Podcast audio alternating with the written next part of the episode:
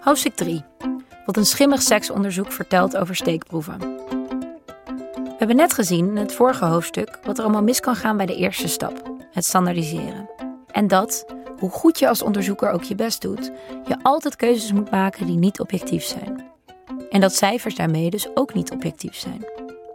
In dit hoofdstuk kijken we naar de tweede stap, het verzamelen van cijfers.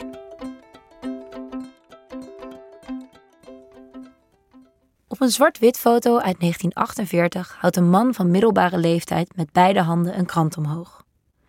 Je kunt de chocoladeletters op de voorpagina lezen.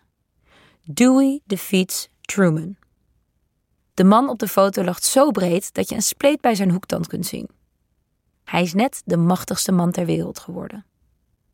De foto is iconisch, maar niet omdat presidentskandidaat Dewey de Amerikaanse verkiezingen won. Ze is iconisch omdat hij niet won. De man op de foto is namelijk Harry Truman, Dewey's uitdager. En de krant in zijn handen zat er compleet naast. De hoofdredacteur van de Chicago Daily Tribune was, op basis van peilingen, zo overtuigd geweest van Dewey's overwinning dat hij de uitslag niet eens had afgewacht. Hij had de vette krantenkop al afgedrukt op de verkiezingsavond. Het had zo een foto van Donald Trump kunnen zijn uit november 2016. In zijn handen een van de vele kranten die hadden voorspeld dat Hillary Clinton zou gaan winnen. Op zijn gezicht een grote lach, want ze hadden het mis. Hoe kon hij zo'n overdonderende overwinning behalen? vroeg de New York Times zich de dag na de verkiezingen af. Waarom zag bijna niemand, niet de experts, niet de opiniepeilers, niet wij van de media, dit aankomen? Princeton-professor Sam Wang had op basis van peilingen voorspeld dat Clinton 99% kans had om te winnen. Als Trump zou winnen, had hij beloofd, eet ik een insect op. Het smaakte nutty, zei hij toen hij vier dagen na de verkiezingen een krekel op had tijdens een live-uitzending van CNN. En zo was bijna 70 jaar na Trumans onverwachte overwinning de vraag voor de zoveelste keer relevant. Hoe betrouwbaar zijn peilingen? Peilingen zijn geen onschuldige metingen. Ze beïnvloeden hoe de media over politici schrijven en, zoals in Nederland, wie er mee mag doen aan televisiedebatten. Bovendien gebruiken kiezers de peilingen als ze een strategische stem willen uitbrengen of als ze moeten beslissen of ze überhaupt naar de stembus zullen gaan. Zo beïnvloeden peilingen dus op directe en indirecte manieren de verkiezingsuitslag en daarmee onze democratie. De vraag of peilingen betrouwbaar zijn gaat over veel meer dan alleen verkiezingen. Want de meetmethode van peilingen, de steekproef, zit achter heel veel cijfers die je tegenkomt. Je ziet de steekproef terug bij het meten van armoede, bij het verzamelen van statistieken over seksuele intimidatie, bij het testen van medicijnen. In dit soort onderzoeken is het onmogelijk om iedereen erbij te betrekken. Alle Amerikanen, alle vrouwen, alle kankerpatiënten. Arts Archie Cochran uit hoofdstuk 1 bestudeerde niet alle patiënten uit het gevangenkamp, maar slechts 20. Psycholoog Robert Jurks uit hoofdstuk 2 testte niet de intelligentie van alle Amerikaanse mannen, maar alleen van de militairen. En zo is de steekproef de lens die we gebruiken om de wereld beter te begrijpen. De steekproef, schrijft hoogleraar Jelke Bethlehem van de Universiteit Leiden, is waarschijnlijk zo oud als de mensheid. Iedereen gebruikt de methode bewust en onbewust. Bijvoorbeeld als je kookt. Je proeft een lepel soep en beoordeelt op basis van dat ene hapje het geheel. De term steekproef valt niet voor niets al eeuwenlang op de Nederlandse kaasmarkt, waar een keurmeester met een kaasboor een stuk kaas steekt en het proeft om te beoordelen. Het was in 1824, in de 19e eeuw, de eeuw dat de mens verwoed cijfers begon te verzamelen, dat iemand voor het eerst een steekproef gebruikte om meningen te peilen. De Amerikaanse presidentsverkiezingen in dat jaar waren de spannendste sinds de onafhankelijkheid in 1776. Niet alleen wie er ging winnen, vier kandidaten streden om de winst, ook mochten veel Amerikanen nog maar sinds kort meestemmen. Kiezers waren hongerig naar informatie en geheel volgens de tijdgeest begon men te tellen. Hoe vaak werd een toast uitgebracht op de kandidaat? Werd er wel eens op hem gewet? Al snel begonnen nieuwsgierige kiezers voorkeuren te turven tijdens militaire appels, feestjes voor onafhankelijkheidsdag of bezoekjes aan een lokale kroeg. Kranten publiceerden de cijfers, zeker als de resultaten goed uitpakten voor hun favoriete kandidaat. We spoelen de band even door naar een dikke eeuw later, toen in 1948 de breed lachende Truman de verkiezingen won. Peilingen waren intussen geavanceerder geworden. Ze werden nu op nationale schaal uitgevoerd door professionele peilbureaus. En ze gingen al lang niet meer alleen over verkiezingen. Van werkende vrouwen tot de oorlog, van de Verenigde Naties tot verkoudheid, over alles mochten Amerikanen nu hun mening geven. Maar na de verkiezingen in 1948 kwamen er barsjes in het imago van steekproefonderzoek. Als peilbureaus er bij de verkiezingen tussen Dewey en Truman zo naast hadden gezeten, hoe zat het dan met al die andere steekproeven? Wat klopte er van het wereldbeeld dat die cijfers schetsten? Deze kritiek had alles te maken met een geruchtmakend onderzoek dat begin 1948 was gepubliceerd. Het 804 pagina's stellende boek ging over een onderwerp waar menig oor van was gaan klapperen: seks. Het was geschreven door bioloog Alfred Kinsey, die met collega's 5300 Amerikaanse mannen had geïnterviewd over hun seksleven. Sexual Behavior in the Human Male werd een daverend succes. Meer dan 250.000 exemplaren werden verkocht en het boek stond maanden op de nationale bestsellerlijsten. Er was amper een radioprogramma te vinden dat er geen aandacht aan besteedde, of een cartoonist die er geen tekening over maakte. En iedereen had het over de statistieken uit het rapport. De heersende normen in de Verenigde Staten mochten dan braaf zijn. Volgens het onderzoek was de werkelijkheid compleet anders. 90% van de mannen was voor het huwelijk al eens met iemand naar bed geweest. 50% was vreemd gegaan en 37% had een homoseksuele ervaring gehad. 1 op de 12 mannen had met een dier seks gehad. 1 op de 6 van de mannen die op een boerderij waren opgegroeid. Ook opvallend, de cijfers gaan nog altijd rond. Heb je wel eens gehoord dat 1 op de 10 mannen homoseksueel is? Dat komt uit dit onderzoek van Kinsey. Maar kloppen die cijfers wel? De mislukking bij de verkiezingen van 1948 had laten zien dat peilingen met een korrel zout genomen moesten worden, schreef het tijdschrift Life Today. Hoeveel zout moeten we dan wel niet nemen bij een peiling die 60 miljoen witte mannen beoordeelt en veroordeelt op basis van enkel 5300 interviews? De kritiek zwol aan en de Rockefeller Foundation, die het onderzoek van Kinsey grotendeels had betaald, werd onrustig. En zo gebeurde het dat in het najaar van 1950 drie keurige statistici op pad gingen om de hoofdauteur van het seksrapport aan de tand te voelen. Komen drie statistici bij een seksprofessor. De drie gerenommeerde statistici zaten te wachten op een kelderverdieping die voor het grootste deel was gevuld met boeken over seks. Eigenlijk hadden ze helemaal geen tijd voor deze klus. Fred Mosteller had het al druk genoeg met zijn werk op Harvard. William Cochrane was hoofd biostatistiek aan de Johns Hopkins Universiteit. En John Tukey sleepte na zijn werk aan Princeton het ene na het andere patent binnen bij Bell Telephone Laboratories. De drie waren naar het Institute for Sex Research in Indiana afgereisd uit plichtsbesef. Met zijn drieën moesten zij de Rockefeller Foundation uitsluitsel gaan geven over de kwaliteit van het spraakmakende seksonderzoek.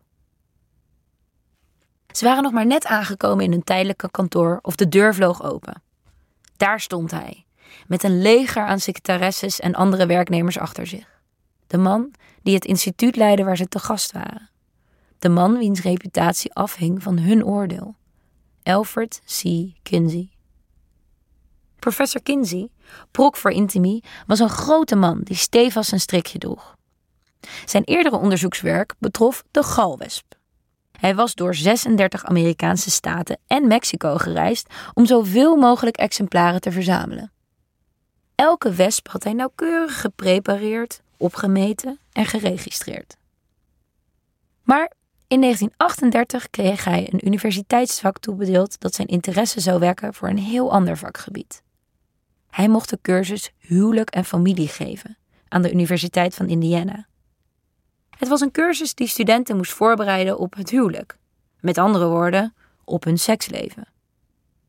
Als jongen uit een streng gelovig gezin had Kinsey gedacht dat er iets mis met hem was toen hij niet kon stoppen met masturberen. Seks was taboe bij hem thuis en hij kon er nergens informatie over vinden.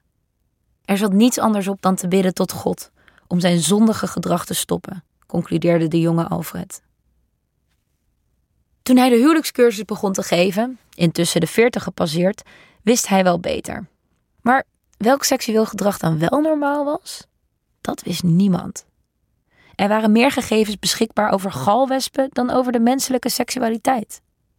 Daarom begon hij studenten vragen te stellen. Kom je wel eens klaar? Masturbeer je?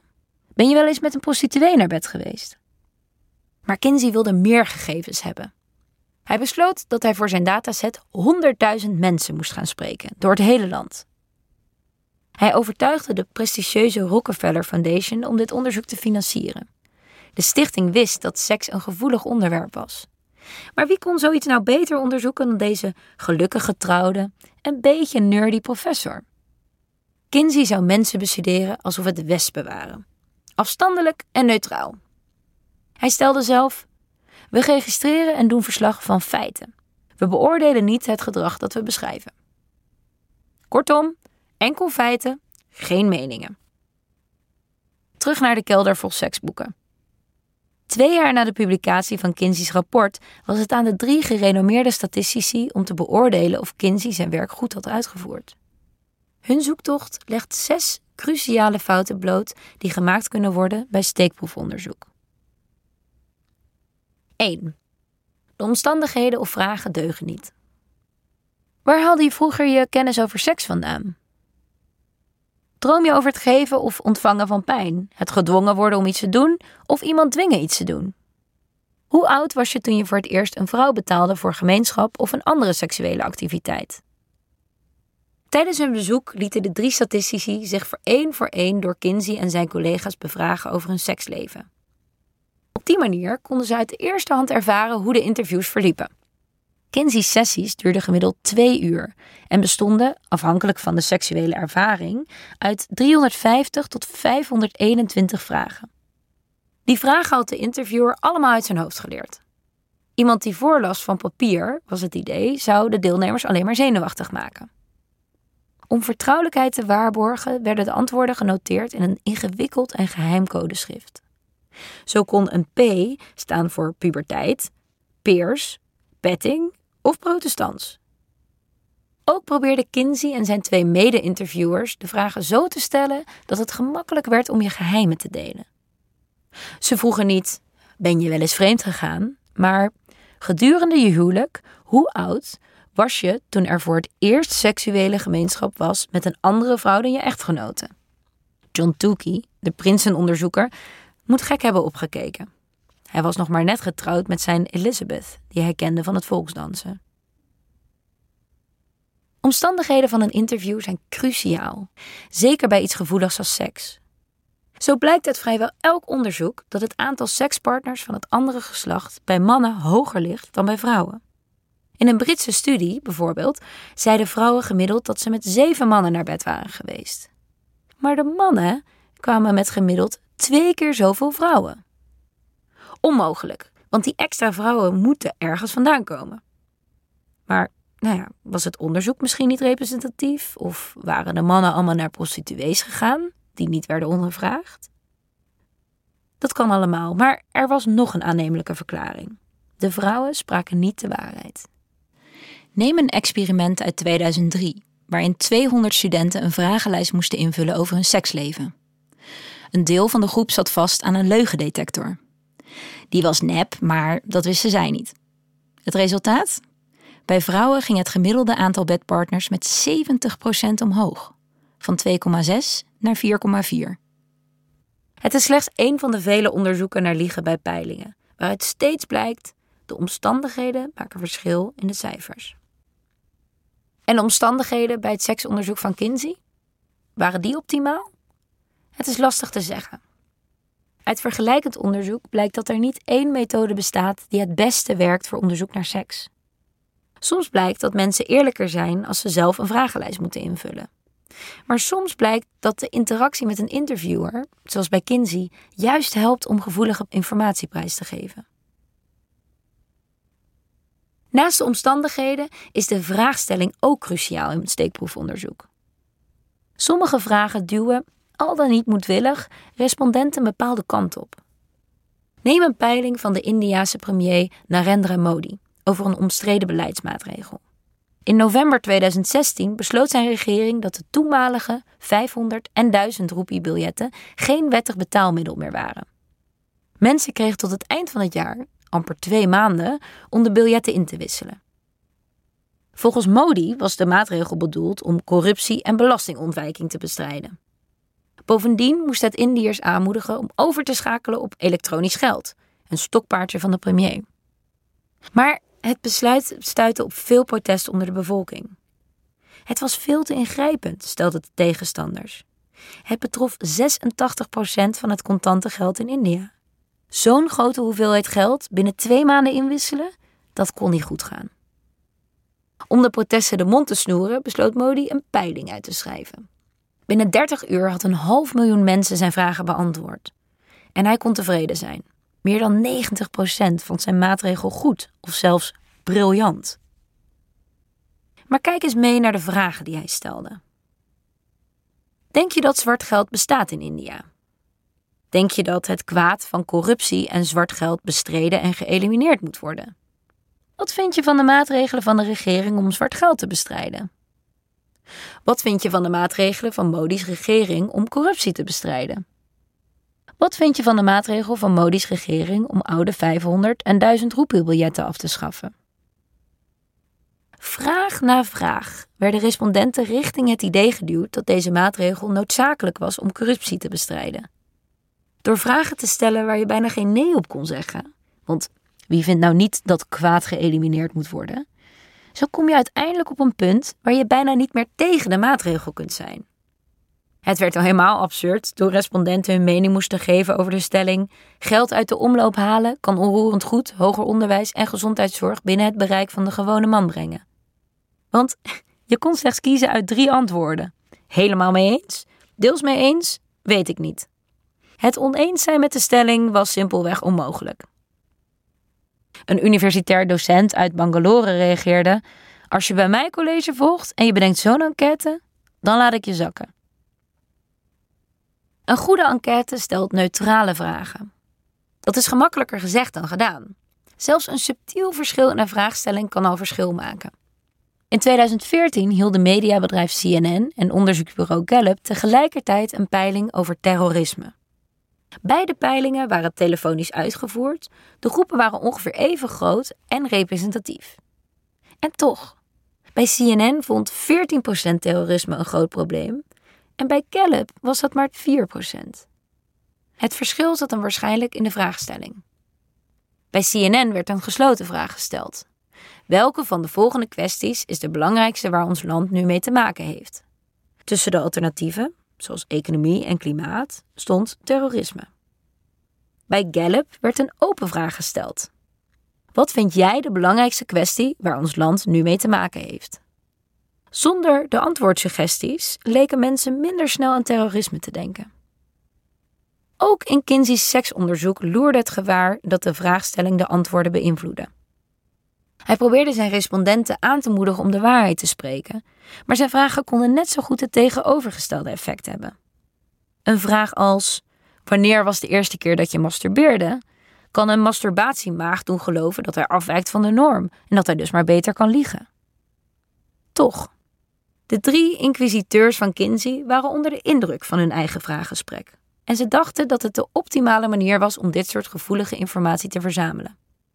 Maar het voorbeeldinterview nam hun zorgen over het onderzoek niet weg. Want ze waren niet zozeer ongerust over de vragen of de omstandigheden, maar over iets anders: de samenstelling van de onderzoeksgroep. 2. Het onderzoek sluit bepaalde groepen uit.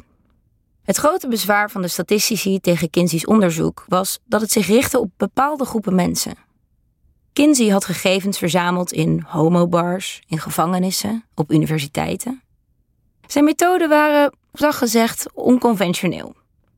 We gaan met ze uit eten, schreef hij. Naar concerten, naar nachtclubs, naar theater, naar biljartkamers, naar kroegen. En we overtuigen ze om ons aan hun vrienden voor te stellen. Kinsey had zelfs zijn eigen kinderen geïnterviewd.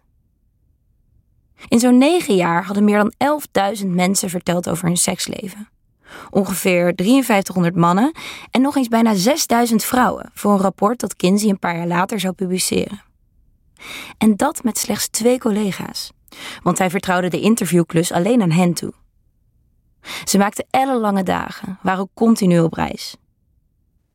Hoe indrukwekkend deze hele exercitie ook was, in steekproefonderzoek gaat het niet zozeer om het aantal. Het gaat om de representativiteit. En dat was nu net het probleem met Kinsey's via-via-methode. Want er waren heel veel plekken die hij niet of nauwelijks had bezocht. Conservatieve kerkgemeenschappen, fabrieken, plattelandsdorpen. Zwarte mannen ontbraken überhaupt in zijn studie. En van andere groepen, homoseksuelen, studenten, inwoners van het Middenwesten, daar had hij juist weer disproportioneel veel van. Kortom, het boek had beter Sexual Behavior in the Predominantly Midwestern White Human Male kunnen heten. Het gebeurt tot op de dag van vandaag dat voor peilingen alleen bepaalde groepen worden benaderd. Neem die peiling van de Indiase premier Modi over zijn nieuwe maatregel. Hij verspreidde de vragenlijst via zijn eigen app. Maar in India had in 2016 slechts 30% van de bevolking toegang tot internet. Degenen die internet hadden kwamen uit hoge sociale klassen, gebruikten vaker een geldpas in plaats van contant en hadden doorgaans andere politieke opvattingen dan degene zonder mobiel internet. Bovendien, als je niet pro-premier bent, dan zit je waarschijnlijk niet te wachten op een Narendra Modi-app. En dan waren de vragen ook nog eens alleen gesteld in het Hindi en het Engels, waardoor miljoenen mensen die niet een van die talen machtig waren, van de enquête werden uitgesloten.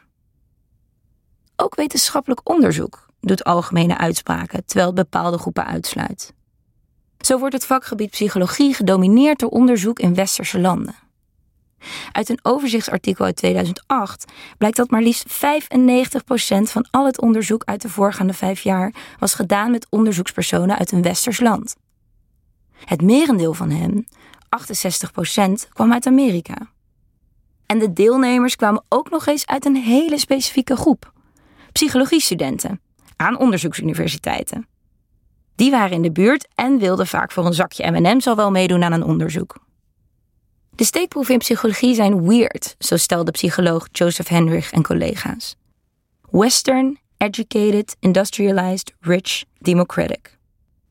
Vaak worden onderzoeksbevindingen veralgemeniseerd naar de mens, terwijl die weird mensen sterk kunnen afwijken van andere groepen. Dat zie je al bij heel fundamentele psychologische processen. Neem de Müller-Lyer-illusie, waarbij twee lijnen boven elkaar staan en je moet raden welke langer is, A of B. Ken je hem niet? Google hem even. Je spelt het M, U umlaut, L L E R streepje L Y E R. De Müller-Lyer-illusie. Nou, voor de meeste van ons lijkt lijn A, de bovenste lijn, langer. Maar in werkelijkheid zijn de lijnen even lang. Het is een standaard voorbeeld uit de studieboeken. Maar uit extra onderzoek bij kleine niet-weird gemeenschappen, daaruit blijkt, niet iedereen is even gevoelig voor die illusie. Zo zag een volk in de Kalahari-woestijn geen enkel verschil tussen de twee lijnen. Het uitsluiten van bepaalde groepen in de steekproef kan verregaande gevolgen hebben. Tot 1990 werden medicijnen voornamelijk op mannen getest.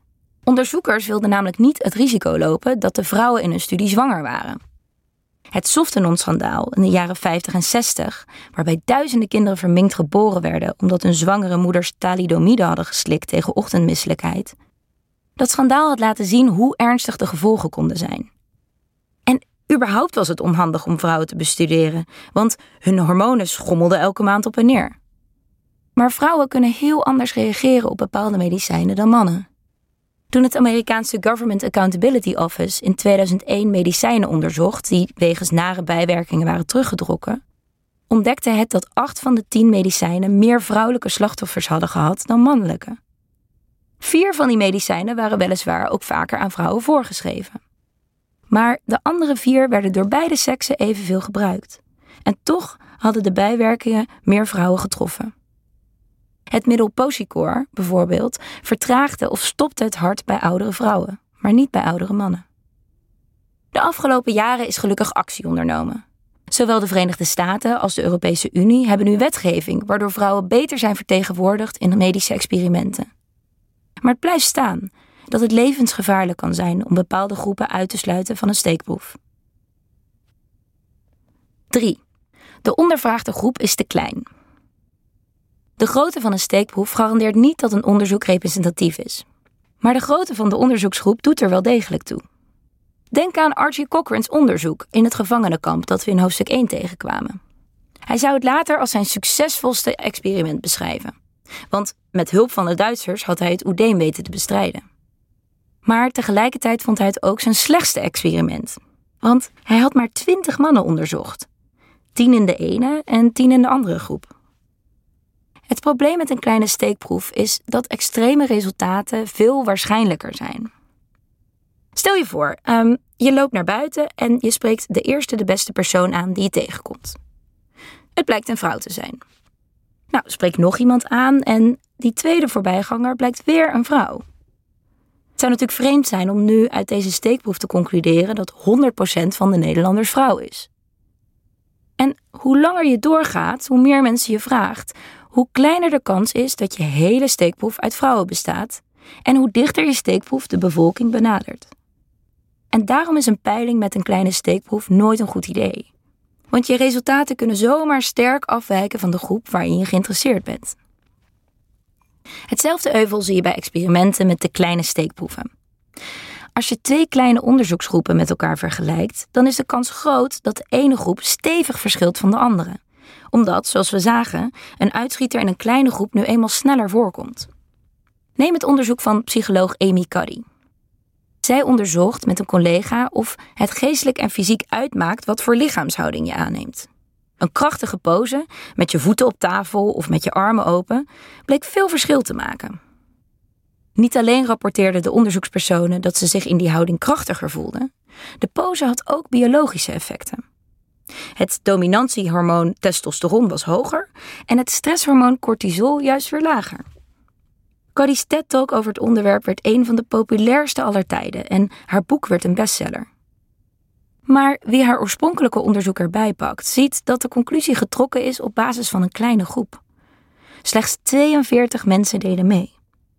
Toen andere onderzoekers Cuddy's experiment overdeden met 200 man, waren de resultaten minder spectaculair. Mensen voelden zich nog steeds krachtiger, maar een verschil in hormonen was niet te bekennen. Ook in andere wetenschappen, de neurowetenschappen bijvoorbeeld, kom je te kleine studies tegen. Logisch, want dat soort onderzoek is vaak peperduur. Maar als we zulke studies gaan gebruiken om onze psyche, gezondheid of ontwikkeling te begrijpen, dan slaan we de plank flink mis. De willekeurige steekproef. Een oplossing voor de problemen? Na een verblijf van vijf dagen op het Institute for Sex Research trokken de drie statistici zich terug om hun bevindingen op te schrijven. Tijdens hun gesprekken met Kinsey hadden ze eindeloos formules en cijfers op een schoolbord gekalkt om hem te laten zien dat zijn onderzoek niet representatief was. De professor was er snoeihard tegen ingegaan, maar een goed weerwoord had hij, ongeschoold in de statistiek, zelden. Kinsey was nerveus over het rapport dat de statistici zouden gaan schrijven. En hij besloot naar New York af te reizen om George Gallup om raad te vragen. Gallup was in die tijd dé expert op het gebied van opiniepeilingen. In 1936, 1940 en 1944 had hij de winnaar van de Amerikaanse presidentsverkiezingen juist voorspeld. Maar in 1948 had hij de verkeerde man naar voren geschoven. Het was het onderzoek van Gallup en andere pijlers geweest dat de Chicago Daily Tribune zoveel zekerheid had gegeven voor de vette krantenkop die Dewey's overwinning aankondigde. Intussen was het Gallup duidelijk geworden wat waarschijnlijk de verklaring was voor zijn blamage: quota-steekproeven. Hij had zijn interviewers het land ingestuurd met lijstjes met menstypen, zoals vrouwen uit de middenklasse die op het platteland woonden. Per type moesten zijn medewerkers een minimum aantal vragen verzamelen, een quotum. De methode van Gallup leek een logische oplossing voor de problemen die we eerder zagen. Niemand werd bij deze steekproef uitgesloten. En de quota zorgde ervoor dat er voldoende data werden verzameld. Hetzelfde idee wordt op de dag van vandaag gebruikt door peilingbureaus. Ze proberen vaak in elke staat of provincie mensen te spreken en ook om een gebalanceerd plaatje te krijgen wat betreft seksen en leeftijd. Ook corrigeren ze cijfers na de verzameling als bepaalde groepen over of juist ondervertegenwoordigd zijn. Bij een tekort aan vrouwen, bijvoorbeeld, worden de antwoorden van vrouwelijke respondenten zwaarder gewogen. Zo'n correctie kan helpen om de data representatiever te maken. Toch is er een hardnekkig probleem met de quota-methode van Gallup. Een praktijkverslagje van een van zijn medewerkers laat dit goed zien. In 1937 spokkelde deze dataverzamelaar zijn quota laag opgeleide mannen bij elkaar door op zoek te gaan naar bouwvakkers. Als ze lunchpauze hadden, ging hij bij ze zitten. Ben je het eens of oneens met het verdrag met Duitsland? vroeg hij. En jij? En jij? En jij? Dat werkte niet voor de mensen uit de rijkere klasse, schreef hij in zijn verslag. Je moest moed verzamelen, schreef hij, en naar het chique gedeelte van de stad gaan en proberen daar te achterhalen welk huis er het meest benaderbaar uitzag. Maar hoe zat het met huizen waar waakhonden de interviewer wegjoegen?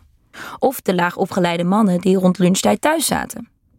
Die hielden er misschien een andere mening op na dan hun makkelijk toegankelijke tegenhangers, maar belanden nooit in de dataset van deze interviewer. De denkfout bij de quota-methode en bij de weegmethode van veel hedendaagse peilbureaus is dat wordt aangenomen dat je mening maar door een paar gemakkelijk te meten factoren wordt beïnvloed, zoals je inkomen, seksen en leeftijd. Maar naast deze factoren word je misschien ook wel beïnvloed door je persoonlijkheid, je toekomstdromen, je jeugd, je seksuele voorkeur, je beste vriend. Waar houdt het op? Het is dus onduidelijk wat allemaal invloed heeft op je mening. En, nu komt het, dus ook op welke factoren je als peilingbureau moet corrigeren. De aanpak van de quota-steekproef was dus geen goed alternatief geweest voor Kinsey. Maar hoe had hij zijn onderzoek dan wel moeten uitvoeren? De drie statistici wisten het wel. Een willekeurige steekproef. Kinsey had beter een naald in een telefoonboek kunnen steken, stelde John Tukey, en dan alle mensen kunnen interviewen die een gaatje door hun naam hadden staan. Hij zei zelfs: Ik zou al jouw 18.000 casussen inruilen voor 400 uit een willekeurige steekproef. De willekeurige steekproef is nog altijd de heilige graal in steekproefonderzoek. Door iedereen een even grote kans te geven om in het onderzoek te belanden, is het idee, krijg je een goede doorsnee van de bevolking. Een organisatie zoals het Centraal Bureau voor de Statistiek heeft een bestand van alle Nederlanders en kan daar een willekeurige groep uit selecteren. Gallup en collega-peilers waren na de blamage in 1948 ook met willekeurige steekproeven begonnen. En daar wilde Kinsey, die in het nauw zat en naar New York was afgereisd, alles over weten. Was een willekeurige steekproef inderdaad zoveel beter? Eenmaal in New York spijkerde Gallup de zenuwachtige Kinsey urenlang bij over deze methode. Gallup verzekerde hem dat het met de kritiek van de statistici wel los zou lopen. Want aan een willekeurige steekproef kleefde een groot nadeel. Niet iedereen was beschikbaar om mee te doen aan onderzoek. 4. Te weinig mensen willen meedoen. Toen Gallup en collega-peilers willekeurige steekproeven probeerden te gebruiken, bleek al snel: mensen waren niet thuis of wilden niet meedoen. Zo'n willekeurige steekproef was dan misschien wetenschappelijk verantwoord. Gallup en andere peilers waren niet eindeloos geduldig. Er moest geld verdiend worden, dus dan maar iets minder representatief. Al benader je een representatieve groep door non-respons, is de groep mensen die uiteindelijk meedoet niet per se representatief. Met Kinsey's onderwerp, seks, was de kans op weigeraars al helemaal groot. Op de universiteit bijvoorbeeld wachten jongens buiten zijn kantoor als hij een vrouwelijke studenten interviewde. Bleef ze langer dan een uur binnen, dan wisten ze: kassa, die is geen maagd meer. Want alleen bij sekservaring werden vervolgvragen gesteld. Niet vreemd dat studenten niet altijd zin hadden om aan Kinsey's onderzoek mee te werken. Dus als te veel mensen nee zeggen, kan ook een willekeurige steekproef meteen de prullenbak in. Neem de Zwarte Piet-peiling van RTL uit 2015. 69,8% van de Nederlanders, zo bleek, wilde zwart of bruin geschminkte pieten. In de woorden van RTL Nieuws: Zwarte Piet moet zwart blijven. Het was olie op het vuur van de discussie die Nederland elk najaar in de tang houdt. Maar Nergens was verantwoording te vinden over de gebruikte methode. Altijd een alarmbel bij onderzoeksresultaten. Toen hoogleraar Jelke Bethlehem van Universiteit Leiden navraag deed bij RTL, kreeg hij te horen dat de steekproef niet willekeurig tot stand was gekomen. Maar zelfs als dat wel zo was geweest, dan nog was de peiling onbetrouwbaar. Want slechts een kwart van de benaderde mensen had mee willen doen. Goed, als de weigeraars van een steekproefonderzoek niet veel verschillen van de deelnemers, dan is er niks aan de hand. Is dat wel het geval, dan is er sprake van een selectiebias. Bepaalde mensen doen mee aan het onderzoek, terwijl anderen over het hoofd worden gezien. Neem de peilingen die tijdens de pandemie van 2020 verschenen. Een aantal koppen. Uitslag Pol. Helft verpleegkundigen die werken op COVID-afdeling wil dat niet meer. Enquêteleden bouwen Nederland. Corona raakt de sector hard. En wat dacht je van? Scholen, nu al bezorgd over winter. Klas naar huis sturen onvermijdelijk. Telkens sprak een beroepsgroep zich uit via een peiling. Vaak werd de betreffende vragenlijst verspreid via de website, sociale media of nieuwsbrief van een beroepsvereniging. Dikke kans dat juist de mensen zich uitspreken die zich toch al zorgen maakten. Dat er dus een selectiebias was. Onderzoeker Sjoerd Stolwijk vertelde in de Volkskrant: Eigenlijk zijn dit geen peilingen, maar handtekeningenacties. Ook in het RTL-onderzoek kon er een selectiebias ontstaan. Mensen konden weigeren omdat ze geen sterke mening hadden, de hele discussie zat waren of gewoon geen tijd hadden. Wat als de andere driekwart allemaal tegen Zwarte Piet was geweest? Dan was het percentage voorstanders maar 17,5 procent. Als je daarentegen aannam dat ze allemaal voor Zwarte Piet waren, dan was het zo hoog als 92,5 procent. Dit zou dan ook Kinsey's bezwaar worden tegen de drie statistici die een willekeurige steekproef van hem eisten.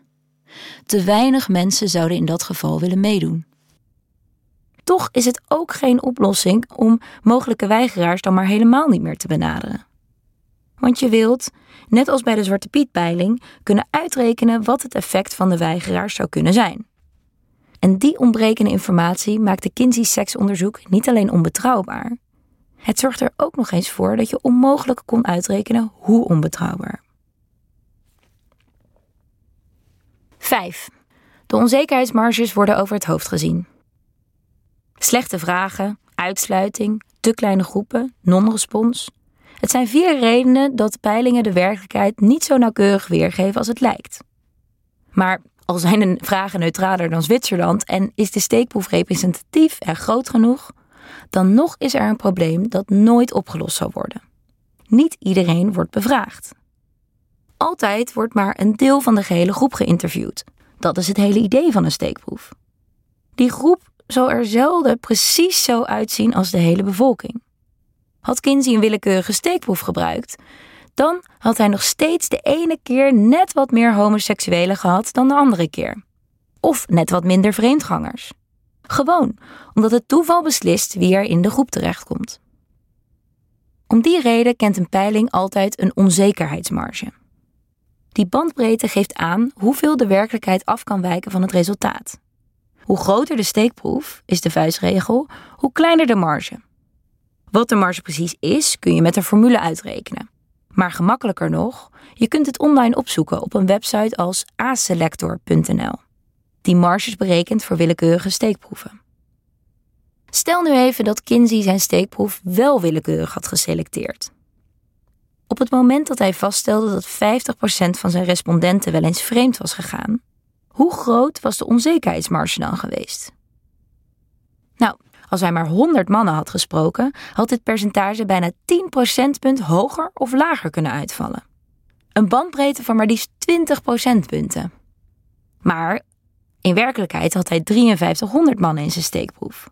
En dan was de onzekerheidsmarge slechts 1,3 procentpunt. In maart 2017, twee weken voor de Tweede Kamerverkiezingen, vond het carré-debat van RTO plaats. 1183 kijkers gaven na afloop hun mening over het debat. De conclusie? Jesse Klaver, de jonge lijsttrekker van GroenLinks, had gewonnen. De peiling, uitgevoerd door DVJ Insights, was net als de Zwarte Piet-peiling verre van representatief. Maar zelfs als de geraadpleegde mensen willekeurig gekozen waren, sloeg het nergens op om Klaver tot winnaar te bekronen. Hij had 17,4% van de stemmen in de steekproef gekregen.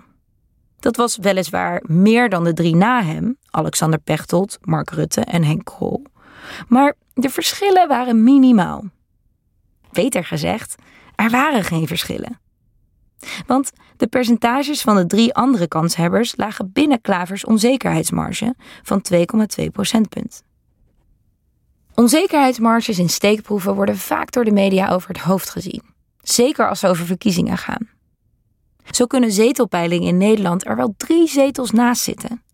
Maar wordt een verschuiving van één zetel vaak al uitgebreid geduid in krantencolumns en aan talkshowtafels.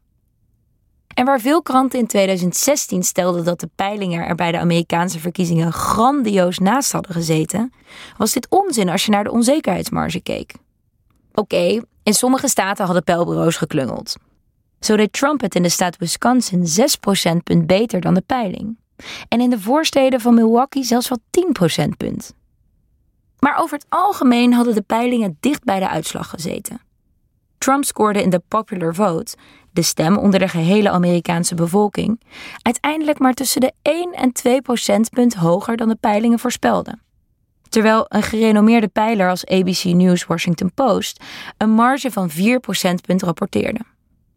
Er was dus niets verrassends aan Trumps overwinning als je naar de peilingen had gekeken. Het verschil tussen de peilingen en de uitslag was bovendien zelfs minder dan in 2012, toen helemaal niemand had geklaagd over de cijfers. Het waren niet de peilers die het verkeerd hadden begrepen, maar de media. De les? Bij het verzamelen van cijfers geldt vrijwel altijd dat de uitkomsten niet heel precies kunnen zijn. Bekijk ze dan ook niet als een exacte weergave van de werkelijkheid, maar alsof je door matglas kijkt. Je kunt de contouren zien, maar scherp wordt het nooit. Intermezzo. Procenten versus procentpunten. Even één opmerking, zei Dionne Staks op de NOS op 18 maart 2015. Eigenlijk moet ik zeggen procentpunt, als ik het heel correct wil doen. Maar dat gaan we niet doen vanavond. Ik houd het gewoon op procent, dan weet u dat ook. Je kunt de klok erop gelijk zetten. Elke verkiezingen wordt er geklaagd over het verkeerde gebruik van het woord procent. Zo ook bij de verkiezingen voor de provinciale staten. Staks besprak de uitslagen op televisie en kreeg al snel kritiek op Twitter. De reden? Ze hadden procent en procentpunt door elkaar. Maar wat is het verschil tussen die twee? Nou, stel, een partij haalde eerst 5% van de stemmen en nu 10%. Een toename van 5% zou Staks in zo'n geval hebben gezegd. Maar eigenlijk klopt dat niet. Want het aandeel is verdubbeld, dus met 100% toegenomen. Wil je toch iets zeggen in de trant van Staks? Dan zou je het een toename van 5% punt moeten noemen. 6. De onderzoeker heeft belang bij een bepaalde uitkomst. In 1954, vier jaar na hun bezoek aan Kinsey's instituut, publiceerden de drie statistici hun 338 pagina's lange kritische rapport over het seksonderzoek. Kinsey had indrukwekkend werk verricht, concludeerden ze. Maar zijn steekproef was geen goede afspiegeling van de Amerikaanse mannen. Kinsey had intussen een studie over het seksleven van vrouwen gepubliceerd, met dezelfde methode als zijn mannenrapport. Weer was de steekproef niet representatief, dus weer gaf hij een vertekend beeld. Maar het maakte allemaal weinig uit. Kinsey's biograaf James Jones schreef in 1997: De meeste Amerikanen kon het nauwelijks schelen wat de academici dachten. Ze wilden simpelweg horen wat Kinsey had gevonden. Tot op de dag van vandaag leidt het seksonderzoek van Kinsey tot felle discussies. Het gaat dan vaak niet over de representativiteit van het onderzoek, maar over vier opmerkelijke tabellen in hoofdstuk 5 van Kinsey's mannenrapport. Ze gaan over 317 jongetjes. De oudste 15 jaar, de jongste nog maar twee maanden oud. De eerste tabel laat zien welk percentage wel eens een orgasme had ervaren. De tweede hoe lang het duurde tot het orgasme, gemiddeld 3,02 minuten. De derde en vierde tabel gaan over jongens die meerdere orgasmes hadden gehad tijdens een observatieperiode. Die observatieperiode kon wel zo lang duren als 24 uur. In de tekst bij de tabellen staat te lezen dat deze data afkomstig zijn van negen mannen. Maar in 2005 bleek dat dat een leugen was. Er was maar één bron die deze data had geleverd. Kinsey had de man willen beschermen door te doen alsof er sprake was van meerdere mannen. Wat was het verhaal? Als klein kind had deze Mr. X, zijn naam is onbekend, seks gehad met zijn grootmoeder en zijn vader.